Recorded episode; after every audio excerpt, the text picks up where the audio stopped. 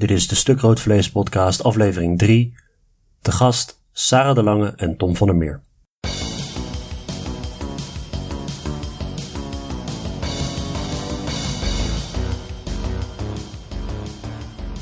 Dag lieve mensen, welkom bij de derde aflevering van de Stuk Rood Vlees podcast. Mijn naam is Armen Akverdian, politicoloog aan de UvA.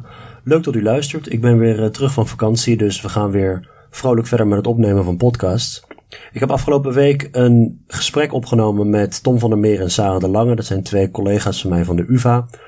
We praten over coalitievorming in de politiek, over de huidige formatie. We praten ook over de achtergronden van de huidige formatie en met name waarom het nu zo moeizaam verloopt. Dus we gaan in op de versnippering van het partijlandschap, electorale volatiliteit. En we bespreken ook mogelijke oplossingen voor de huidige situatie van een kiesdrempel, waar we geen fan van zijn, tot een minderheidskabinet, waar we wel fan van zijn. Mocht u de eerste twee afleveringen hebben gemist, dan kunt u ze uiteraard terugluisteren. De eerste aflevering was met Cas Mudde over populisme. De tweede aflevering was met Catherine de Vries over euroskepsis. Die zijn beschikbaar via iTunes en Soundcloud. Mocht u nou toch op iTunes zijn, laat dan gerust een review achter of een rating. En vergeet ook niet om Stukrood Vlees te volgen via Twitter, @stukroodvlees en mijzelf via Hakverdian. Over naar Tom en Sarah. Oké, tegenover mij zitten twee collega's van de UvA, twee kerstverse hoogleraren, Sarah de Lange en uh, Tom van der Meer. Sarah is bijzonder hoogleraar op de Joop den L leerstoel, onder meer lid van de ROB, de Raad van het Openbaar Bestuur, een belangrijk uh, adviesorgaan van de overheid. En Tom is hoogleraar politicologie in het bijzonder legitimiteit, ongelijkheid en burgerschap Tom is daarnaast co-directeur van het Nationaal Kiezersonderzoek uh, en lid van de Staatscommissie Parlementair Stelsel. Ingesteld door uh, minister Plasterk om te onderzoeken of ons uh, statenbestel nog wel van deze tijd is. vergeet ook vooral niet om Toms boek Niet de kiezer is gek te kopen. Veel van de onderwerpen die we vandaag gaan aansnijden komen ook aan bod in Toms boek. Sarah en Tom zijn beide te volgen via Twitter. SL de Lange en Tom WGVD meer. Oké, uh, laten we beginnen. Welkom.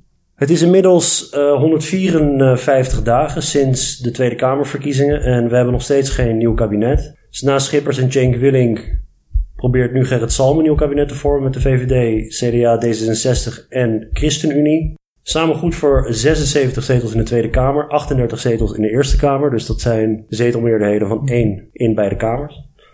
Uh, eerdere pogingen die zijn uh, mislukt, onder andere met GroenLinks. Waarom is die coalitievorming zo complex? En is het eigenlijk wel erg dat we zo lang moeten wachten op een nieuw kabinet? De, de, vraag of het erg is, kan je misschien beter omdraaien. Het, het, duurt zo lang omdat het kan. Juist omdat er geen enorme druk op staat, kan de formatie wat langer duren. Kunnen de formateurs zelfs tussentijds nog even een paar weken met vakantie gaan. In het verleden hebben we wel gehad dat bijvoorbeeld vanuit Europa de grote druk lag omdat er een begroting moest worden aangeleverd. Of we hebben meegemaakt dat uh, de crisis uitbrak en daarom snel een nieuw pakket op tafel moest komen. En dat ontbreekt nu een beetje, dus dat is een reden waarom het ook lang kan duren. Dan geldt nog steeds de vraag van ja, is een lange formatie nou misschien slecht voor, voor, de, voor de regering die daarop volgt? Je kan je voorstellen dat een hele lange regering uh, een teken is dat, dat de, de coalitiepartners elkaar eigenlijk niet vertrouwen, niet met elkaar door één deur kunnen. Dus dat zou leiden tot een hele instabiele regering. Maar als we kijken naar het Nederlandse verleden, zien we daar eigenlijk geen, geen bewijs voor. Als je alle kabinetten sinds de Tweede Wereldoorlog op één rij zet, dan zien we dat er hele lange coalitieformatieonderhandelingen zijn geweest met succesvolle coalities.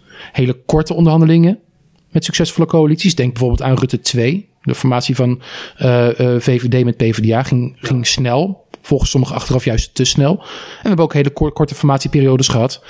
Um, die leiden tot hele instabiele regeringen. Denk bijvoorbeeld aan Balken en de 1. Ja, dus het, het, eh, er is eigenlijk geen relatie in Nederland tussen de lengte van de formatieperiode en de stabiliteit van de coalitie. Lange, lange formaties gelden of leiden niet per se tot stabielere coalities. Dus waar maken we ons eigenlijk druk omdat het zo lang duurt? Ja, uh, vanuit dat perspectief kan je, kan je dat wel afvragen. Kijk, natuurlijk zijn er allemaal zaken die geregeld moeten worden, maar de druk is momenteel blijkbaar niet zo groot dat de partijen zich gedwongen voelen om er snel uit te komen. Nee. En Sarah, waarom is het uh, zo'n complexe situatie tegenwoordig? Je ziet dat de duur van de formatie in West-Europa, want wij zijn natuurlijk niet het enige land uh, waar regeringen geformeerd worden, van een aantal zaken afhangt. Uh, dat heeft deels te maken met, met de samenstelling van het parlement, hoeveel partijen daar verkozen zijn en nog belangrijker, hoe de zetels verdeeld zijn over die partijen en dus hoeveel partijen er nodig zijn om een kabinet te vormen. Heel simpel gezegd, het is gewoon veel eenvoudiger om met z'n tweeën eruit te komen dan met z'n vieren, zoals nu het geval is.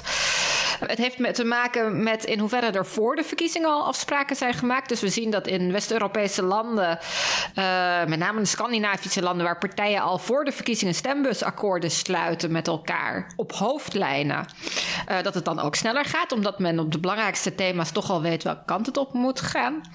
Het heeft ook te maken met wat men in zo'n formatie probeert te regelen.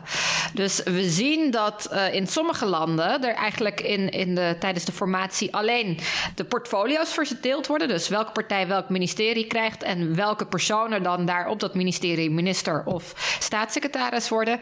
En uh, een paar regels opstellen uh, over hoe ze samen gaan regeren. Dus eigenlijk een soort procesafspraken maken met elkaar. Hoe ze met bepaalde vraagstukken om zullen gaan, hoe ze daarover beleid zullen formuleren. Uh, in andere landen komen daar nog een akkoord op hoofdlijnen van het beleid bij. Dus op welke thema's gaan we welke invulling geven? Welke richting willen we met elkaar op? Nederland, maar ook in een paar andere landen, denk bijvoorbeeld aan België wordt een veel uitgebreider regeerakkoord ook geformuleerd. Waarin heel concreet, hele gedetailleerde afspraken worden gemaakt over bepaalde beleidsmaatregelen die op bepaalde beleidsterreinen genomen gaan worden.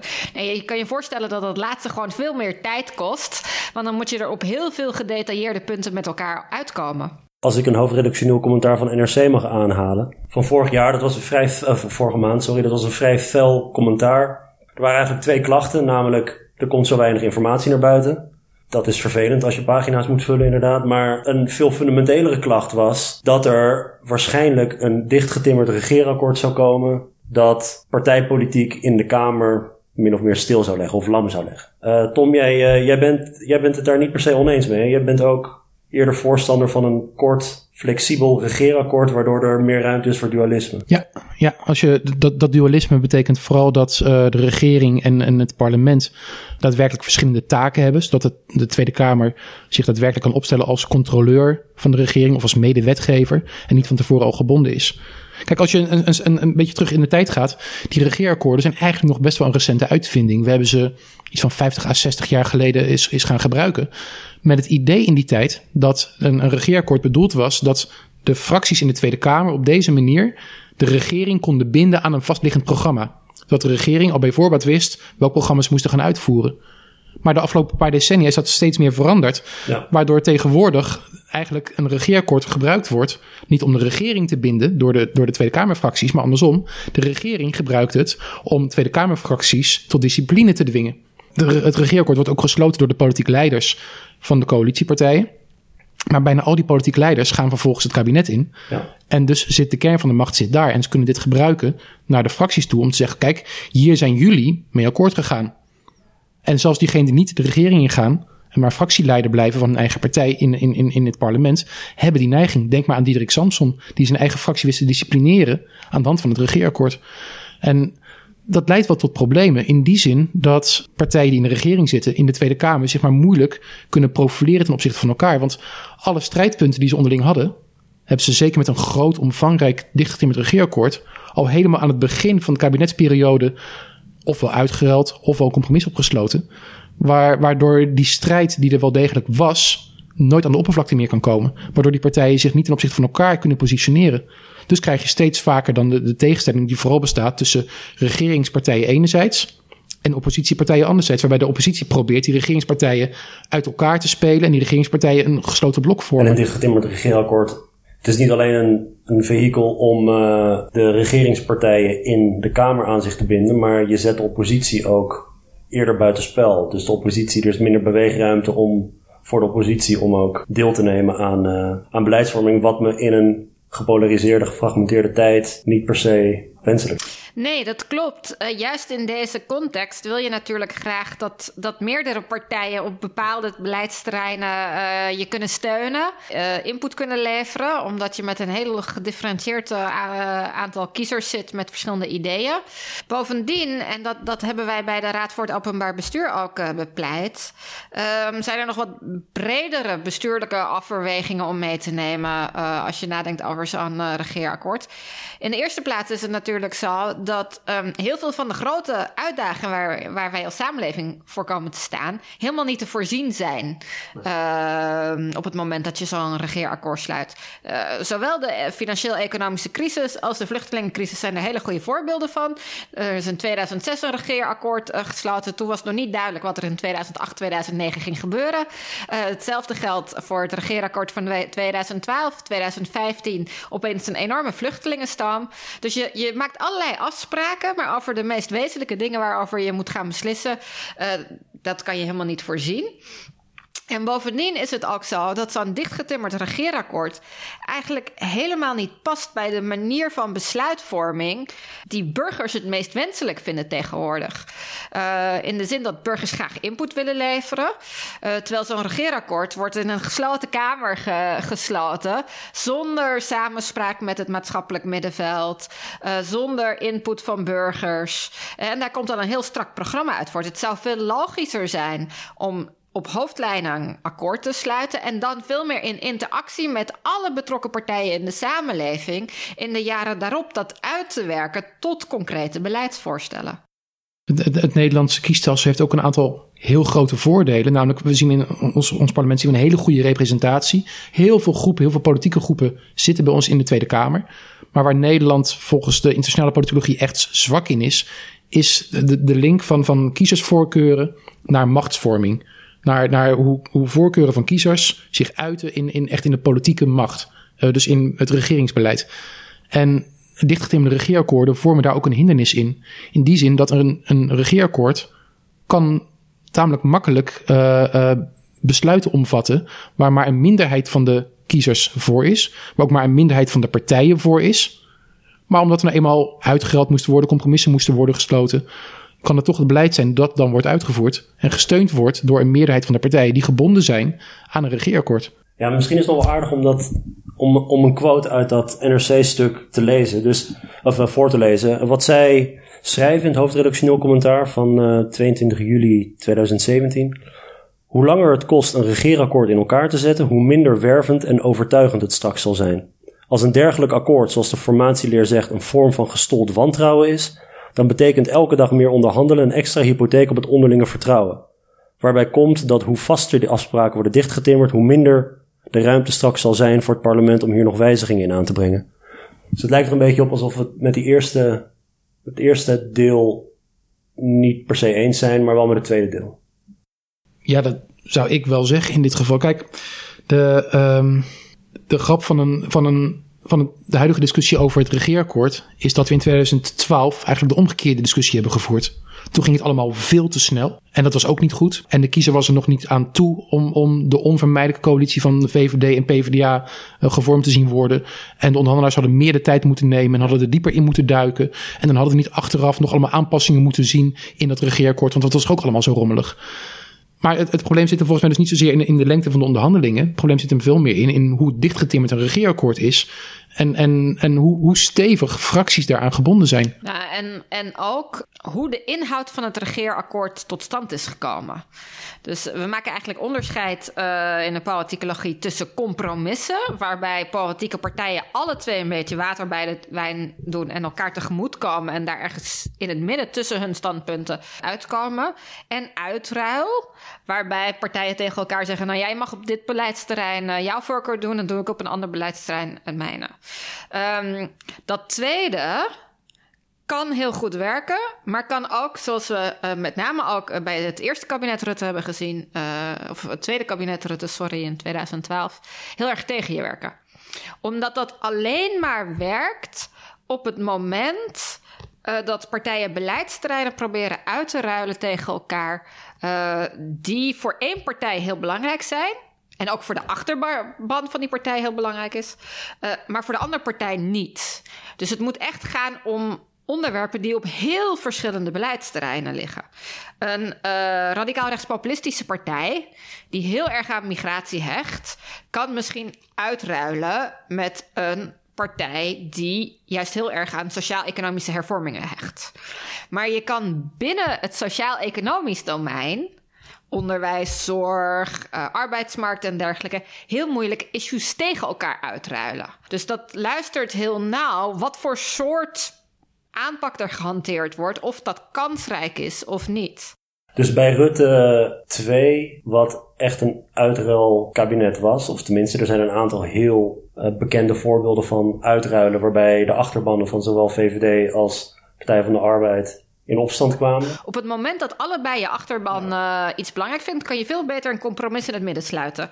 Want dan doet iedereen een beetje water bij de wijn en dan is dat voor iedereen verteerbaar. Dus de inkomensafhankelijke zorgpremie, uh, dat, uh, dat hadden ze niet moeten uitruilen. Die, wat was het, strafbaarstelling illegaliteit, waar op een gegeven moment uh, op het culturele domein waren er ook uitwisselingen met volgens mij uh, kinderpardon, kinderpardon tegen, het, uh, tegen strafbaarstelling illegaliteit. Je moet dus niet binnen het domein... Binnen het domein moet je niet uitwisselen. Want je dat, moet tussen de domeinen moet je uitwisselen. Dus je kan wel energiebesparende maatregelen misschien met een groene partij uitruilen tegen ja. bepaald sociaal-economisch beleid. Uh, afhankelijk van hoe belangrijk die issues zijn voor partij en achterban. De actualiteit nu met uh, de gelekte compromissen tussen D66 en ChristenUnie over voltooid leven. Dat is typisch zo'n onderwerp waarbij uitruilen eigenlijk electorale zelfmoord is. Want.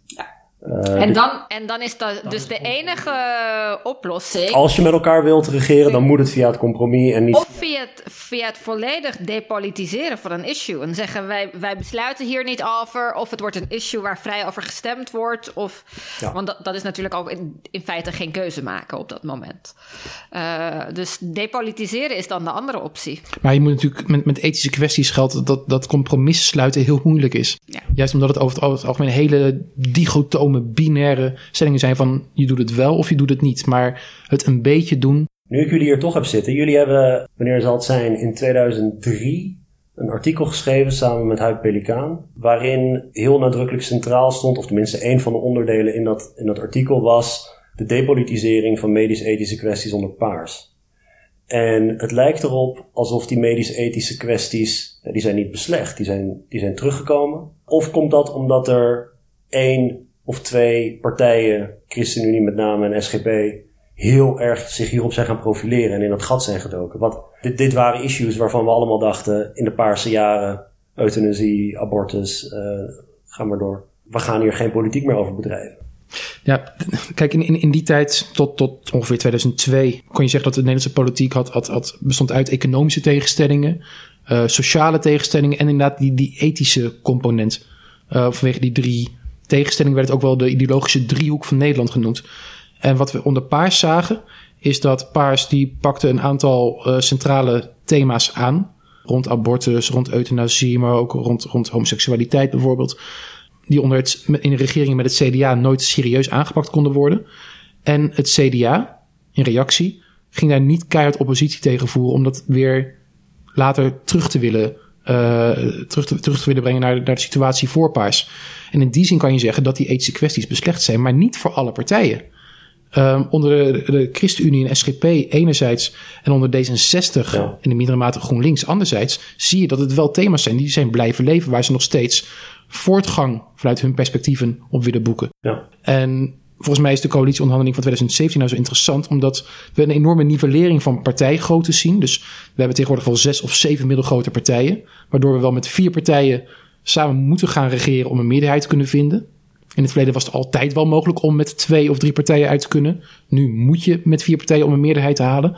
Waardoor er altijd wel een combinatie van partijen samen moeten gaan regeren die op hun belangrijke thema's serieus van mening van elkaar verschillen. Ja. En dat zijn nu in de huidige onderhandelingen D66 en ChristenUnie. Terwijl CDA en VVD daar ook wel opvattingen over hebben, maar voor hun is het allemaal wat minder urgent.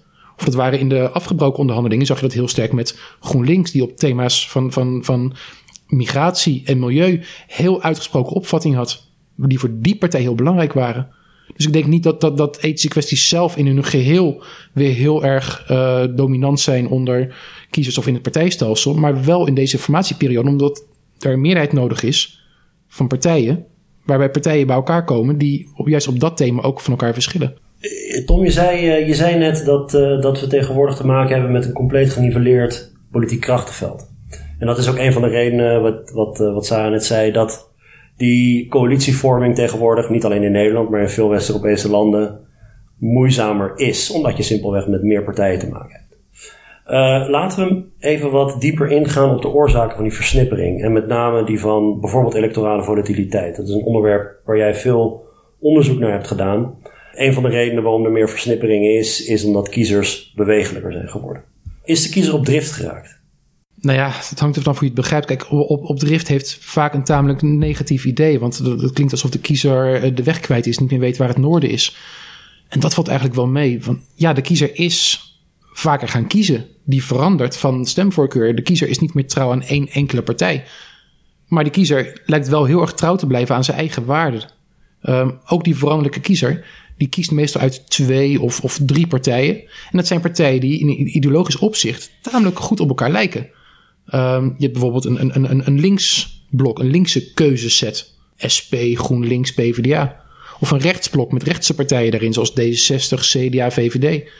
Of, of tegenwoordig zien we ook een uitruil tussen de SP en de PVV, die op sommige punten ook op elkaar lijken. Maar wat we niet zien, is dat, dat veel kiezers kriskras door het partijstelsel heen gaan en, en, en de nieuwste hype gaan volgen. We zien dus niet dat, dat kiezers massaal van PvdA naar VVD gaan en dan van VVD toch naar de GroenLinks van Jesse Klaver die het dan weer lekker doet. Of, en waarom is die electorale volatiliteit in Nederland zoveel hoger dan in andere landen? Dus Volgens mij uh, las ik dat in, in het ROB-stuk, maar dat, dat zul jij ongetwijfeld ook in kaart hebben gebracht. Dat vanaf de jaren negentig Nederland het meest volatiele, ja. Uh, de meest volatiele verkiezingsuitslagen heeft in uh, West-Europa. Ja, ja. Waarom is dat in, bij ons zo, zoveel hoger? Ja, in het verleden waren het altijd Frankrijk en Italië ja. die, die eruit schoten. En, en Nederland was juist een van de meest stabiele landen waarvan verkiezing tot verkiezing geloof ik iets van 5% van de kiezers van partijen veranderde. Waardoor het eigenlijk gewoon volkstellingen waren, die verkiezingen. En dat, dat, is tegenwoordig wel anders. Maar ook hier is weer het antwoord, er veranderen zoveel kiezers omdat het kan. En dat kan om meerdere redenen. Ten eerste hebben we heel veel partijen, waardoor dus ook er heel veel partijen zijn die relatief gezien op elkaar lijken. Je hoeft niet zoals in Amerika, als je op een andere partij gaat stemmen, de overstap te maken van de Democraten naar de Republikeinen. Wat een tamelijk forse stap is. Maar in Nederland kan je een overstap maken van CDA naar VVD die toch tamelijk dicht bij elkaar staan op tamelijk veel onderwerpen. Um, dus dat is een eerste. Dus we hebben veel partijen die op elkaar lijken. En daarnaast hebben we een kiesstelsel dat, dat uh, heel erg open en toegankelijk is. Want hele kleine veranderingen in, in opvattingen van kiezers vertalen zich ook heel snel in een kleine verandering van de samenstelling van de Tweede Kamer. Want onze kiesdrempel is ontzettend laag. Ja. Dus de, de hindernissen die er, die er opgeworpen kunnen worden tegen het veranderen van partijvoorkeur zijn ook heel erg laag. Ja, er is nog iets anders dat meespeelt. We zien in heel West-Europa dat uh, regeringspartijen steeds zwaarder worden afgestraft voor de regeringsverantwoordelijkheid die ze nemen. Uh, dat noemen we de negative incumbency effect in, uh, in de politicologie. Doe maar. en die kiezers moeten allemaal weer ergens heen. Dus er is steeds een groot, na elke verkiezing is er een steeds grotere groep kiezers die zich weer verspreidt over de partijen in de oppositie. En dan zie je bij ons dat er heel veel mogelijkheden zijn voor de kiezers om ergens naartoe te gaan. En dat ze die ook helemaal verspreiden over al die uh, oppositiepartijen in Nederland. En dan krijg je dus, dat leidt ertoe dat, dat die partijen steeds gelijkwaardiger worden qua grootte. Uh, dus wat ik net al zei, zes à zeven middelgrote partijen tegenwoordig in Nederland. Maar het heeft, heeft ook een, een hele interessante, zichzelf versterkende dynamiek. Want het zijn vooral de partijen in het midden die hun kiezers zijn kwijtgeraakt. Uh, de PvdA, het CDA, uh, zien hun aanhang eigenlijk steeds meer verdwijnen. Die, dat waren vroeger de grote massapartijen. En tegenwoordig zijn ze gewoon één van de zes of zeven middelgrote. Maar als die partijen vervolgens weer gaan regeren, dan zullen ze dat steeds vaker moeten doen in tamelijk brede coalities of met hun ideologische opponenten. Kunnen die partijen zich weer steeds moeilijker profileren in de coalities. Dus is de kans nog weer iets groter dat ze dan vervolgens weer hun kiezers zien wegtrekken. Dus dat versterkt zichzelf. Ja, onze collega Wouter eh, van der Brug, die heeft uh, op een gegeven moment heeft heeft hij zo'n dataset samengesteld met allerlei verkiezingsuitslagen van partijen. En dat, dat zijn echt uh, Even kijken hoor, dat zijn, dat zijn meer dan 2000 politieke partijen uit meer dan 1000 verkiezingen, 77 landen. En um, hij heeft dus uitgerekend dat een regeringspartij gemiddeld genomen 2% lager scoort bij de volgende verkiezingen. Die, uh, hoe noemde je het net? Negative incumbency effect. Ja, cost of governing, zo kende ik het, maar dit, dit, wat jij zegt is veel mooier. Uh, 2% lager bij de volgende verkiezingen. Oppositiepartijen winnen gemiddeld genomen uh, ongeveer 1%. En dat is niet symmetrisch, omdat er meer oppositiepartijen bestaan dan regeringspartijen. Maar uh, er, is dus, er hangt dus echt een prijskaartje aan dat, uh, aan dat regeren. En Wouter laat ook zien dat als je de jaren 70, 80 vergelijkt met de huidige periode, dat dat verdubbeld is ongeveer. Die, en, en het, het, treft ook niet alle regeringspartijen even hard. Nee, zeker. Want de, uh, de kleinere partijen in de regering, dus de junior partners in de coalitie, worden doorgaans harder afgestraft dan de premierspartij. En dan ook weer onder voorwaarden. In, in, in tijden van crisis worden partijen weer eerder geraakt die in de regering zitten. Door het negative incumbency effect. En dat geldt dan weer met name voor uh, linkse of sociaal-democratische partijen die gaan regeren tijdens zo'n crisis. Als jij uh, jezelf de Partij van de Arbeid noemt en je regeert onder periodes van recordwerkeloosheid, dan heb je een probleem. Als met, met, met, met, met je grootste ideologische opponent als grootste partij in de regering. Terwijl de helft van je kiezers in 2012 bijvoorbeeld uh, is gekomen vanuit strategische stemmers. Dan kan je van tevoren al een beetje vaststellen dat de kans dat je bij de volgende verkiezingen daarop wordt afgerekend best wel aanwezig is. Ja. Hey, um, die versnipperingen, uh, nu gaan er uh, geluiden op om die aan te pakken door bijvoorbeeld het instellen van een kiesdrempel. Waardoor je dus boven een bepaald percentage moet komen van de stemmen om in aanmerking te komen voor zetels. En dat kan een, dat kan een, uh, dat, dat kan een paar procent zijn. In Turkije hebben ze volgens mij een kiesdrempel van, van 10%, in Duitsland 5%. Tom, jij bent daar een groot voorstander van, toch? ik uh, geloof dat eh, de, de, de meeste posts uh, die ik heb geschreven op Stuk Vlees wel linksom of rechtsom iets met de kiesdrempel te maken hebben gehad. Um, het stomme is dus, ik was tamelijk agnostisch over die kiesdrempel. Maar ik was wel geïntrigeerd door de argumenten die, die de voorstanders van de kiesdrempel gebruiken, waarom die ingevoerd moet worden. En, en dan kom je de meest rare argumenten tegen die eigenlijk wel heel goed toetsbaar zijn. En als je, maar als je dan volgens die argumenten één voor één afgaat, dan zie je dat, dat bij zelfs de minste toets er weinig van overeind blijft. Een belangrijk argument is bijvoorbeeld dat, dat een, een kiesdrempel ertoe zal leiden dat het makkelijker wordt om te gaan regeren. Ja, dat, op papier zou je dat denken. Maar in de praktijk, in een land met zes à zeven middelgrote partijen, waarbij er drie à vier partijen nodig zijn om een, een, coalitie te vormen, geldt het niet zo erg. De grote verandering die we in Nederland hebben meegemaakt sinds de jaren 70 is niet dat er meer splinterpartijtjes zijn bijgekomen, die je kan buitensluiten met de kiesdrempel. Het grote verschil is, is dat de grote partijen kleiner zijn geworden. Ja. Maar dat los je met de kiesdrempel niet op. Dus ook heb je heel veel van die argumenten. Een, een kiesdrempel zou volgens sommigen goed zijn voor het vertrouwen in de politiek. Nou laat uh, Sophie Marien, een politicoloog uit, uit Leuven, juist zien dat het het omgekeerde het geval is hoe proportioneler het kiesstelsel, zoals in Nederland, hoe hoger het vertrouwen in de politiek is. Um, volgens uh, sommige politici. Uh, Sorry, uh, dat, dat is omdat door proportionaliteit er een representatieve parlement ontstaat, waarbij mensen zich meer betrokken voelen bij de politiek, zich gehoord voelen. Ja. En dat ze daarom meer vertrouwen hebben in de politiek. Ja, nou, dat, dat is de waarschijnlijke reden. Dus hoe, hoe, hoe, hoe proportioneler het kiesstelsel is, hoe makkelijker het is om vertegenwoordigd te worden door de partij van je eerste voorkeur in het parlement. Um, hoe beter mensen zich vertegenwoordigd voelen. Maar ook juist die wantrouwende kiezers zich vertegenwoordigd voelen in het parlement. Hoe makkelijk ook het parlement uh, zichzelf weer corrigeert als, als het zou afwijken van de bevolking in, in zijn voorkeuren. En dat blijkt belangrijker te zijn dan uh, een relatief klein aantal partijen en, uh, minder betrokken actoren in een politiek debat in de Tweede Kamer.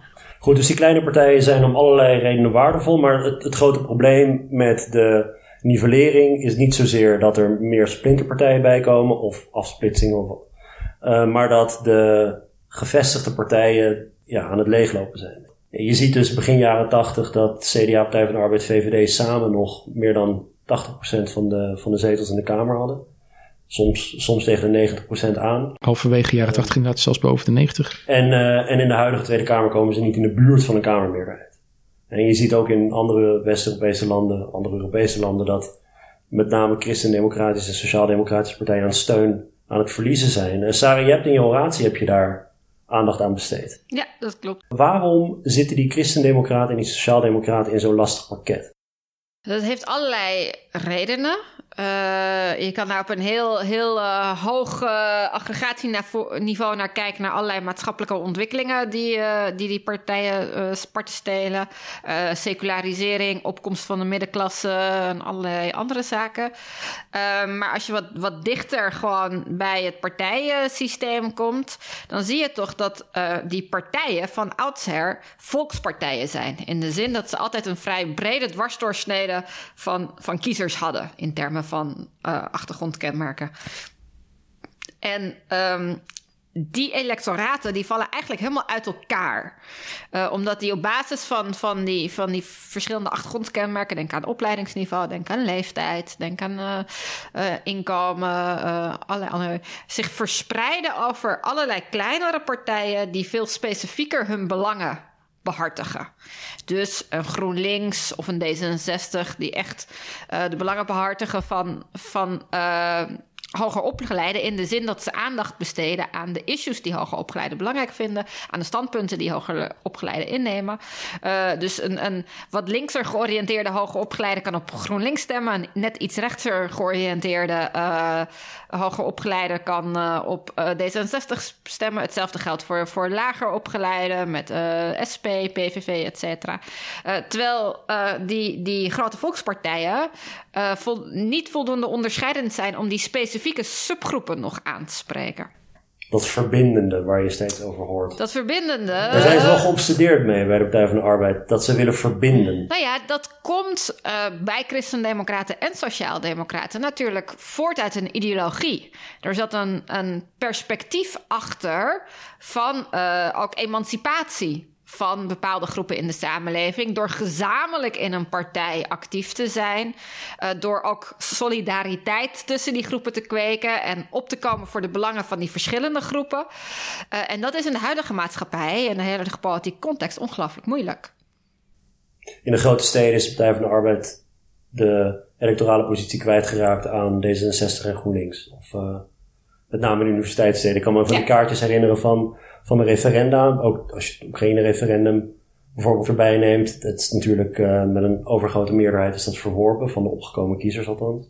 En de enige plek in het land waar een meerderheid voor het associatieverdrag was, dat waren universiteitssteden. Ja, dat, dat is iets wat we in heel West-Europa zien. Dus als je electorale kaarten van, van verschillende landen bekijkt, dan zie je dat uh, Londen, Parijs, uh, Berlijn heel anders stemt dan uh, andere delen van het land. En nu is bij de Partij van de Arbeid, ik bedoel, het is niet alleen de, uh, deze stroming, maar er is in ieder geval een vrij uh, invloedrijke stroming binnen de Partij van de Arbeid die vindt dat, je, dat zij verloren kiezers aan nou ja, LPF destijds en PVV en misschien ook SP, maar dat ze op culturele domeinen naar rechts moeten opschuiven. Ja. En Jacques Monash heeft dat gedaan door uit de partij te stappen. En die heeft in ieder geval het idee gehad om dat te doen. Is, is uiteindelijk niks van terecht gekomen. Maar er is bij de Partij van de Arbeid het idee dat zij tijdens Paars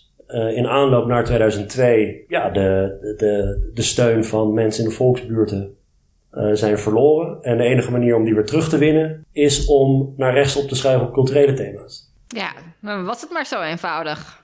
Het zit veel complexer in elkaar.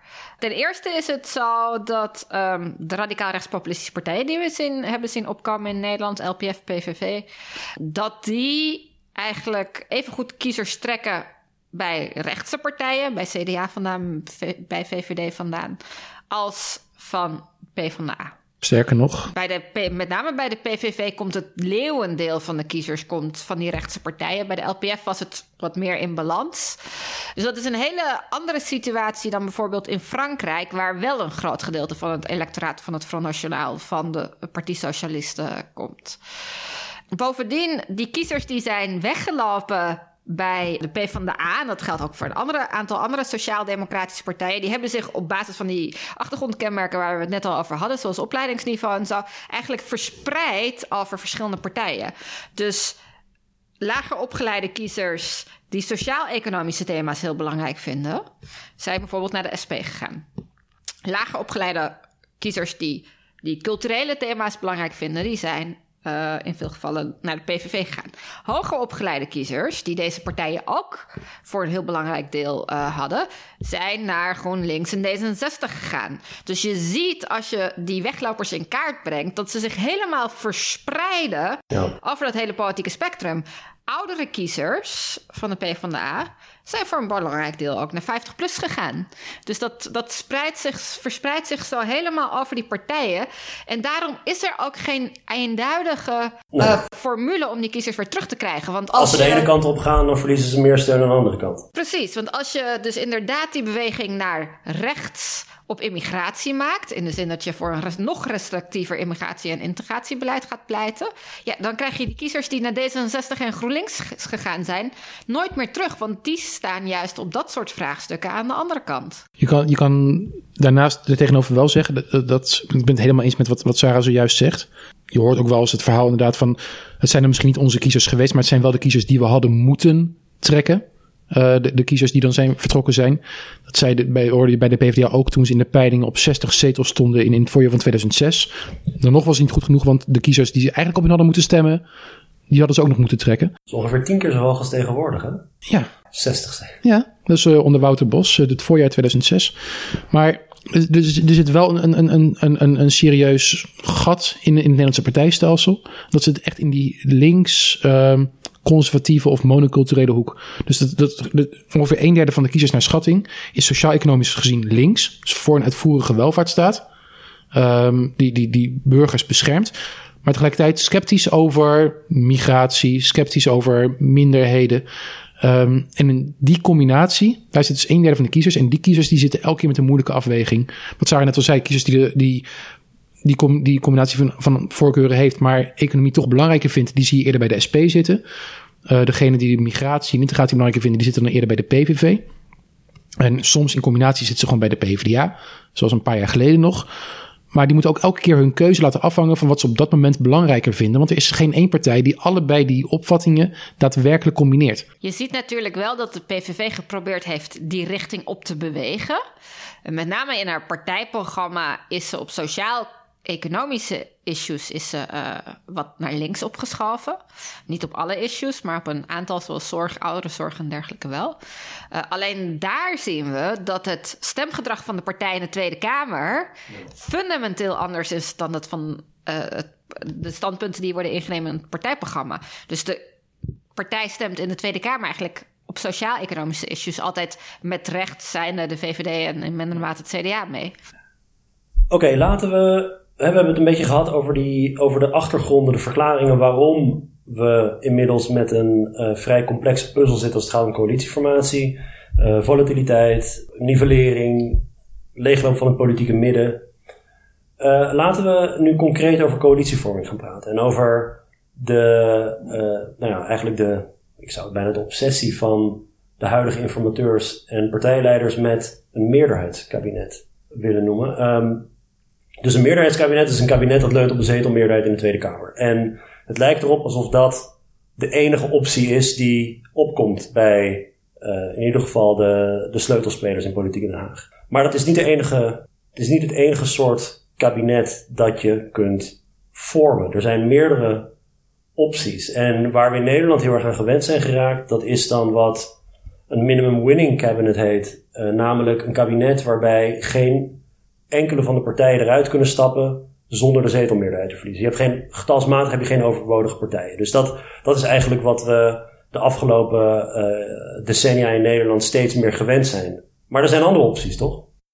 Jazeker. Uh, daarnaast is er natuurlijk uh, de optie voor een minderheidskabinet of juist een de optie voor uh, wat wij dan een oversized kabinet uh, noemen. Een, uh, een coalitie met meer partijen dan strikt noodzakelijk.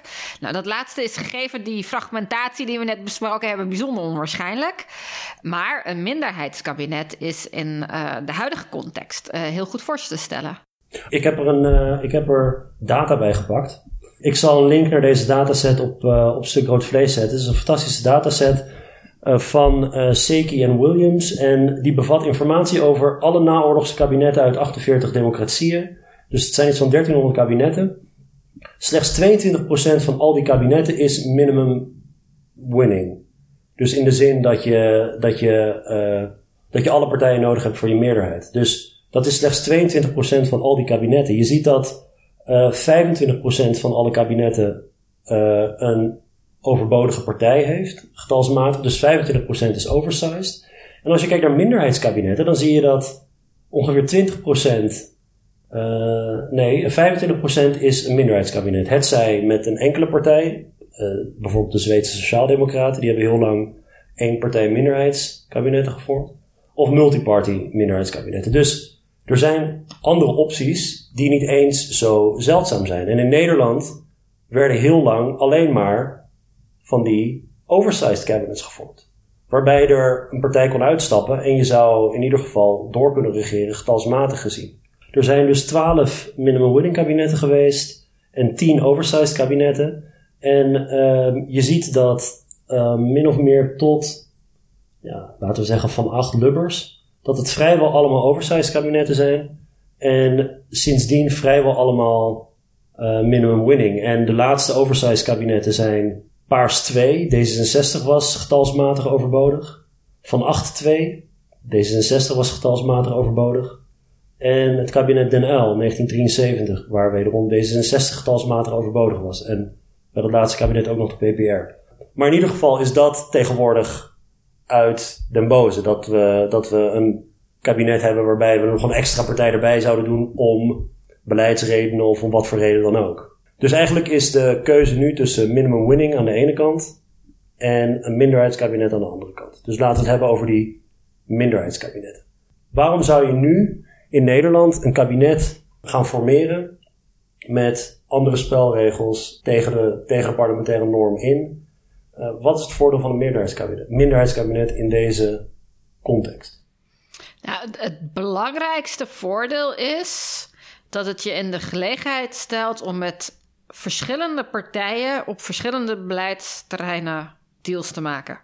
Dus wat we zien is dat er verschillende tegenstellingen in de Nederlandse politiek op dit moment bestaan. Sociaal-economisch, sociaal-cultureel, ethisch is daar nog bij gekomen nu. Um, en het is ongelooflijk moeilijk om vier partijen te vinden die op al die verschillende domeinen min of meer dezelfde kant uit willen.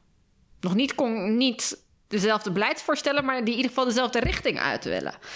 Um, nou ja, dan, dan ligt het voor de hand om te zeggen: we hebben een gefragmenteerd landschap, dus er zijn heel veel partijen die potentieel mee kunnen werken. Heel veel verschillende potentiële partners. Um, we gaan, uh, en dan ligt het voor de, voor de hand dat je zegt: we gaan met het CDA, VVD, eventueel met D66 erbij, gaan wij de krijtlijnen alvast uitzetten. Nou, we willen inderdaad inzetten op uh, een energietransitie. Uh, daar kunnen we heel goed met uh, GroenLinks door één deur. Maar we willen ook restrictiever migratiebeleid. En daar hebben we een ander partner voor nodig. Een minderheidskabinet stelt je in staat om juist die flexibiliteit te betrachten. Maar het geeft je als voordeel vervolgens, meer, ook, ook vanuit electoraal oogpunt, dat je je als partijen niet van tevoren hoeft te binden aan alle compromissen die je zou moeten sluiten in een meerderheidskabinet. Maar dat je kan zeggen: kijk, dit ga ik uit het vuur halen voor mijn achterban. Maakt voor kiezers veel duidelijker hoe partijen zich onderscheiden van elkaar omdat er niet al die compromissen zijn waarbij niet duidelijk is hoe, hoe de standpunten van partijen daarin terugkomen. De ROB schrijft uh, met uh, jou als een van de auteurs dat een minderheidskabinet zowel herkenbaar zou zijn als responsief. Dus eerst over die herkenbaarheid. Ik kan me voorstellen dat een kabinet met minder partijen herkenbaarder is. En je zou het zelfs tot het extreem kunnen doorvoeren. Eén partij minderheidskabinet in Nederland zou ontzettend herkenbaar zijn. Nee, maar ook, ook het minderheidskabinet is ook herkenbaar onafhankelijk van het aantal deelnemers, omdat je veel gerichter beleid kan formuleren. Ja, maar op een bepaald terrein waar je met, het met elkaar eens bent. Is er geen uitruil tussen herkenbaarheid en um, uh, draagvlak in het parlement. Dus hoe je kunt heel herkenbaar zijn door in je eentje te gaan uh, proberen iets voor elkaar te krijgen. Dat lukt niet. Je hebt een meerderheid voor nodig. Om meer partijen uh, aan je te binden en aan je voorstel te binden, zul je uitruilen of moeten compromitteren, waar we het eerder over hadden, of een compromis moeten sluiten. Het beleid dat uiteindelijk uit het parlement komt, wordt toch niet herkenbaarder? Het wordt herkenbaarder niet door het minderheidskamp. Het wordt herkenbaar door de, de wisselende meerderheden die, die je uh, gebruikt. Neem het voorbeeld van het uh, voltooid leven. Dat is iets waar VVD, CDA en D66 met GroenLinks misschien makkelijk uit waren gekomen. Want GroenLinks is ook voor het mogelijk maken van het voltooid uh, leven. Nou ja, dan was er een heel helder beleid waarschijnlijk uitgekomen. Zo gaan we dat aanpakken. En dat kan met een meerderheid, dus met draagvlak, vervolgens door de Kamer. Zonder dat een ChristenUnie, die nu aan het moet onderhandelen met D66, zich daaraan moet committeren. Die kan gewoon zeggen: dit past niet. Ja, maar je kunt toch niet. Programma, dat steunen wij niet. Maar denk je nou dat mensen, dat partijen dan op het gebied van voltooid leven bijvoorbeeld, dat ze uh, de ene coalitie gaan sluiten en dat dan op een ander uh, en dat een ChristenUnie bijvoorbeeld zal zeggen: Oké, hier waren we aan de verliezende hand. Maar dit cruciale thema voor ons en onze achterban is beslecht met een andere coalitie. Uh, volgende keer dat er een ander dossier komt, arbeidsmarkt of wat dan ook. Weet je wat, we beginnen weer met een schone lei. Of denk je niet dat je dan exact met hetzelfde probleem nee, komt te zitten als je bij een formatie hebt? Namelijk, we gaan een totaalpakket uh, onderhandelen. Jij, of compromissen of uitruil, hoe je dit ook zou willen doen. Maar het lijkt me een vrij steriele vorm van politiek. Omdat je. Het lijkt net alsof mensen dan uh, hun geheugen wissen, partijen hun geheugen wissen en verder gaan met een ander beleids. Het is, het is het omgekeerde. Het, het, is, het is juist niet steriel. En je, je, je mist een, een hele, heel cruciaal aspect aan dichtgetimmerde regeerakkoorden in meerderheidscoalities. Namelijk dat in een uh, uh, regeerakkoord, als je die ondertekent, ben je mede verantwoordelijk voor al het beleid wat daarin staat. En dat is in een minderheidsregering met wisselende meer, meerderheden niet het geval.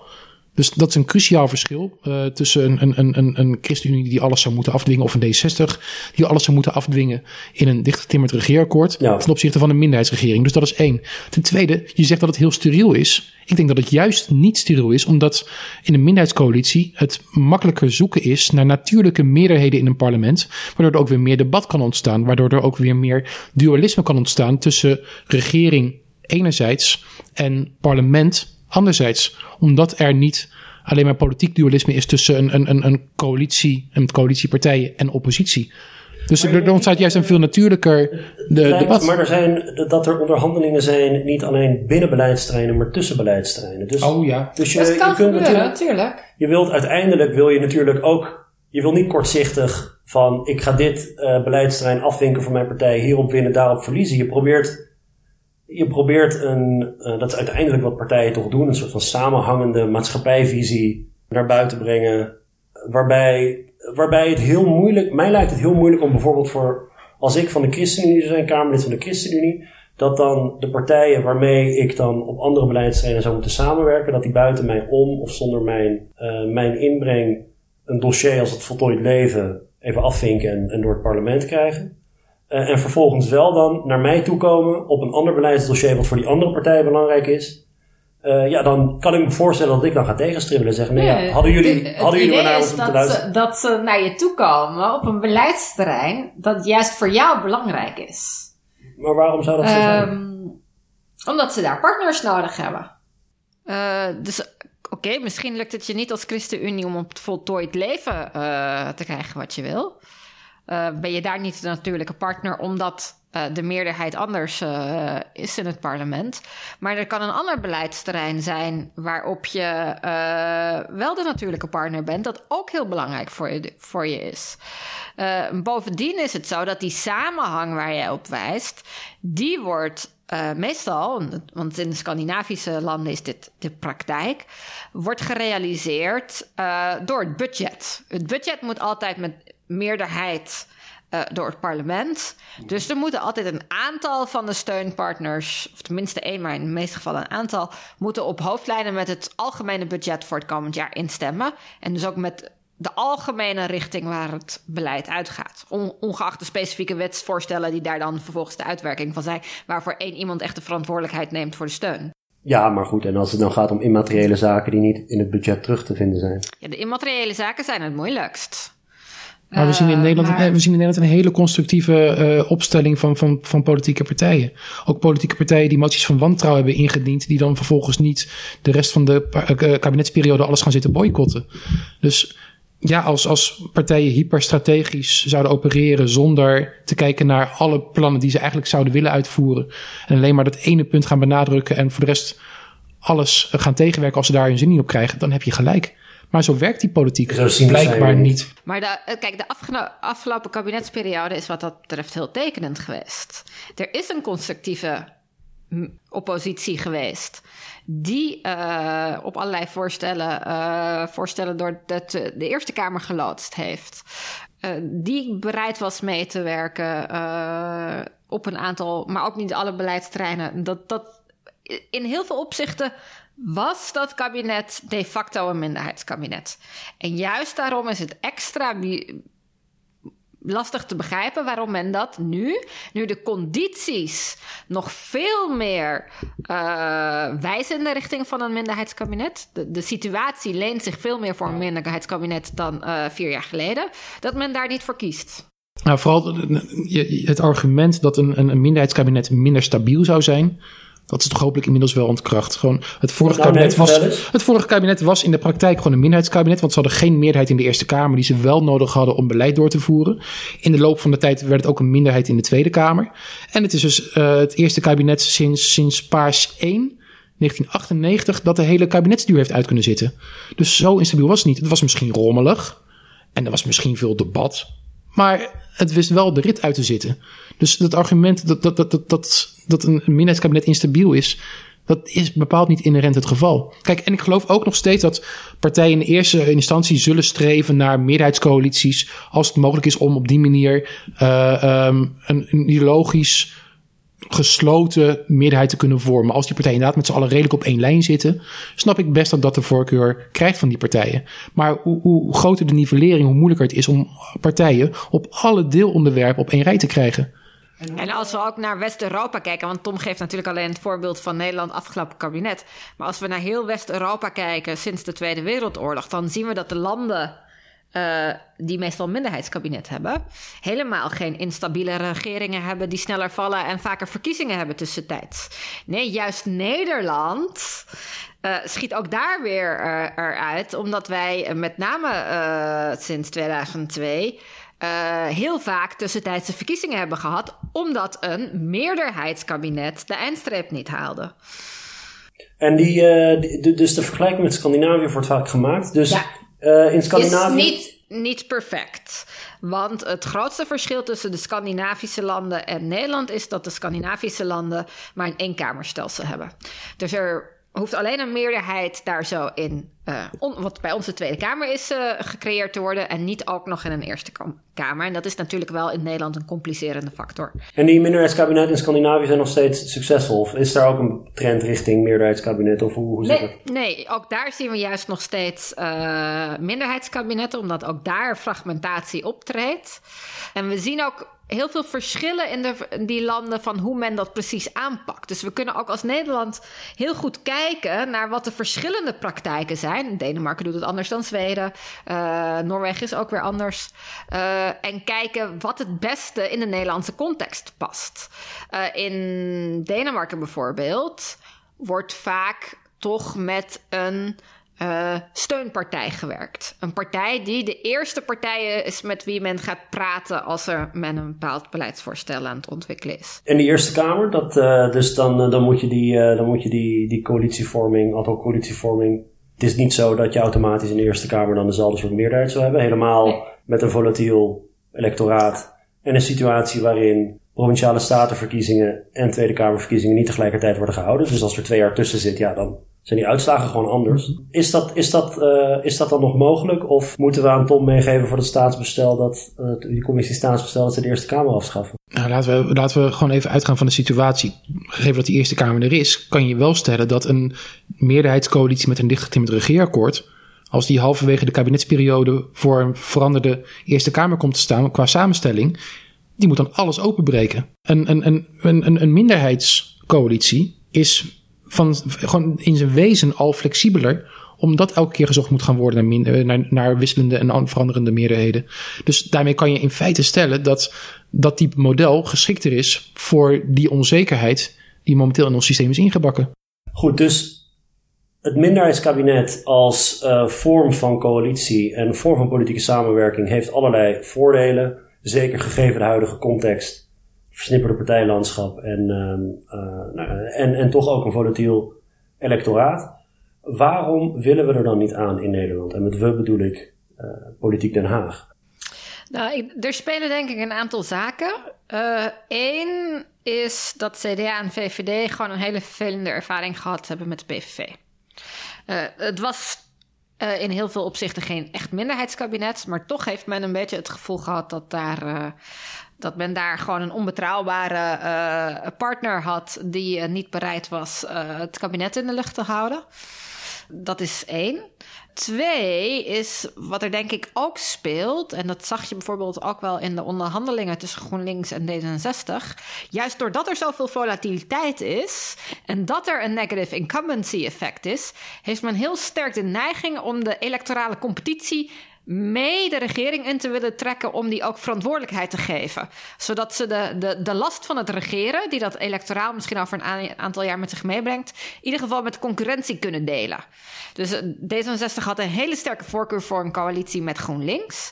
Uh, nou ja, dat is deels ideologisch, want ze liggen dicht bij elkaar. Maar ze hebben ook uh, sterke overlap in het electoraat dat ze aantrekken. En D66 is natuurlijk heel bang dat als ze niet met GroenLinks regeert, dat veel van hun kiezers weglopen naar GroenLinks na de volgende verkiezingen. En dat geldt voor andere partijen in andere opzichten natuurlijk ook. Het is gewoon aantrekkelijk om uh, de partijen met wie je uh, electorale overlap deelt, ook te, te, laten delen in de regeringsverantwoordelijkheid en de consequenties die het met zich mee kan brengen. En toch in de beleids, of in, in, de, in de verslaggeving en in wat je hoort van politici zelf, is toch met name het idee dat minderheidskabinetten instabiel zijn. Ja, joh, wat, wat ik ook heel vaak hoor, het, is niet alleen de, de, de, de VVD of het CDA waar je de, de weerstand hoort, maar je hoort het ook bij uh, bijvoorbeeld GroenLinks heb je het uh, dit voorjaar van gehoord. Dus ook het idee dat een minderheidscoalitie zo rommelig is. En de afgelopen kabinetsperiode ook zo rommelig zijn. Vanwege dat continue onderhandelen en meerderheden zoeken. En bij elkaar de deur plat lopen. En, en dat klopt, denk ik, in zekere zin. Uh, een minderheidscoalitie zal iets rommeliger zijn dan een mooi dichtgetimmerd regeerakkoord met een strikje eromheen. Dat je dan alleen vier jaar lang hoeft uit te voeren en door de Kamer hoeft te loodsen. Maar tegelijkertijd kan je daarbij ook zeggen dat een democratie inherent tamelijk rommelig is en hoort te zijn. En dat vanuit democratisch oogpunt een beetje rommel en debat en discussie en, en onderhandelen het probleem niet zozeer is. Kijk, voor bestuurders is het gewoon vervelend als ze niet een duidelijk pakket hebben wat ze gewoon kunnen doorloodsen en kunnen uitvoeren. Maar vanuit democratisch oogpunt lijkt me dat minder riskant. En misschien is die weerstand tegen een minderheidscoalitie ook een, een teken dat in ieder geval een deel van de, van de partijen meer op het bestuur gericht zijn geraakt uh, dan, dan op het open debat. Het biedt juist de mogelijkheid, zo'n zo minderheidsregering, voor al die maatschappelijke partners en dergelijke, om gedurende de rit nog uh, invloed uit te oefenen, in debat te gaan met elkaar uh, en allerlei dingen samen uit te discussiëren en zo richting te geven aan het beleid. Het biedt veel meer mogelijkheden voor niet alleen voor oppositiepartijen om invloed uit te oefenen, maar ook voor alle maatschappelijke actoren en burgers. Ja, maar goed, uiteindelijk uh, de, het feit dat ze gaan voor een coalitie met 76 zetels in de Tweede Kamer en 38 zetels in de in de Eerste Kamer geeft aan dat zij, ja, en misschien ben ik hier te cynisch in, maar invloed niet willen delen. Ja. Ik weet het niet. Ze hebben eerst natuurlijk met GroenLinks geprobeerd wat, wat iets meer lucht zou hebben gegeven. Dus het is, we moeten ons daar niet op blind staren. Wat, wat volgens mij interessanter is, is inderdaad over twee jaar zijn de Provinciale Statenverkiezingen. Komt een andere Eerste Kamer met zulke krappe meerderheden. Is de kans aanzienlijk dat dan weer uh, een, een, een, een meerderheid van, van de Eerste Kamer tot de oppositiepartijen behoort. En dan moet ze regeerakkoord wellicht gaan openbreken. En of dat gaat zoals in 2010, dat ze misschien de SGP toen de tijd konden meekrijgen en een onafhankelijk statenlid zover konden krijgen om mee te stemmen. Ik weet niet of dat genoeg gaat zijn. Je kan er wel een keer op, op hopen. Maar het kan ook werken zoals in 2012, dat je in de praktijk toch maar gaat functioneren als een minderheidskabinet. Maar dat is voor de partijen die dat doen, die nu eerst een dichtgetimmerd regeerakkoord gaan sluiten, heel vervelend. Want eerst heb je je gedragen als een meerderheidsregering, dus ben je mede verantwoordelijk voor het compromis in het regeerakkoord. En als je dan even later je als een minderheidscoalitie moet gaan opstellen omdat je steun moet gaan zoeken bij allerlei andere partijen die er niet aan gebonden zijn, dan verlies je profiel. En dat is volgens mij ook een van de problemen geweest van de PvdA. Eerst zich opstellen als een junior partner in een meerderheidsregering, dus allemaal compromissen moeten sluiten.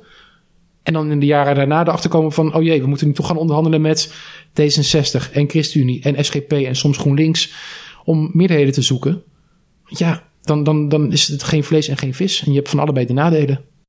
En naast de provinciale staten die Tom noemde, uh, is er natuurlijk ook nog het zeer reële risico op afsplitsingen, weten we sinds uh, de afgelopen uh, termijn. Dus 76 zetels kan ook al binnen een jaar een issue worden als er gewoon bij één van de vier deelnemers een Kamerlid zich afsplitst. Ja, gebeurt dat vaak bij deze partij? Nou, VVD? VVD heeft inmiddels een, een redelijke uh, staat van dienst de laatste paar jaren opgebouwd. Kijk, de meeste afsplitsingen gebeuren bij nieuwe partijen. Uh, laten, laten we daar niet moeilijk over doen. De toename van het aantal afsplitsingen hangt ook vooral daarmee samen. Maar je kan je wel voorstellen dat hoe ingewikkelder de compromissen worden of de uitrol wordt, hoe moeilijker het is voor partijen om achter alle onderdelen te staan, hoe, hoe eerder het zal gebeuren dat, dat een individuele partij zegt van ja, maar hier kan ik me echt niet in vinden. En als die geen gehoor krijgt, een grotere kans maakt om af te splitsen. Dat is volgens mij wat we bij de PvdA hebben gezien tussen 2012 en 2017. Ja, ja inderdaad. Hey, we zouden hier nog uren over kunnen doorpraten, maar ik denk dat we dat maar uh, niet moeten doen. Heel erg bedankt voor jullie tijd. Nogmaals gefeliciteerd met jullie benoeming tot hoogleraar. Dat is echt een prestatie van formaat. Vergeet niet om Toms boek Niet de kiezer is gek te kopen en ook te lezen, want heel veel van de onderwerpen die wij dus vandaag hebben behandeld staan in Toms boek. Met ook de bijbehorende politicologische verwijzingen natuurlijk. U bedankt voor het luisteren en uh, graag tot de volgende keer.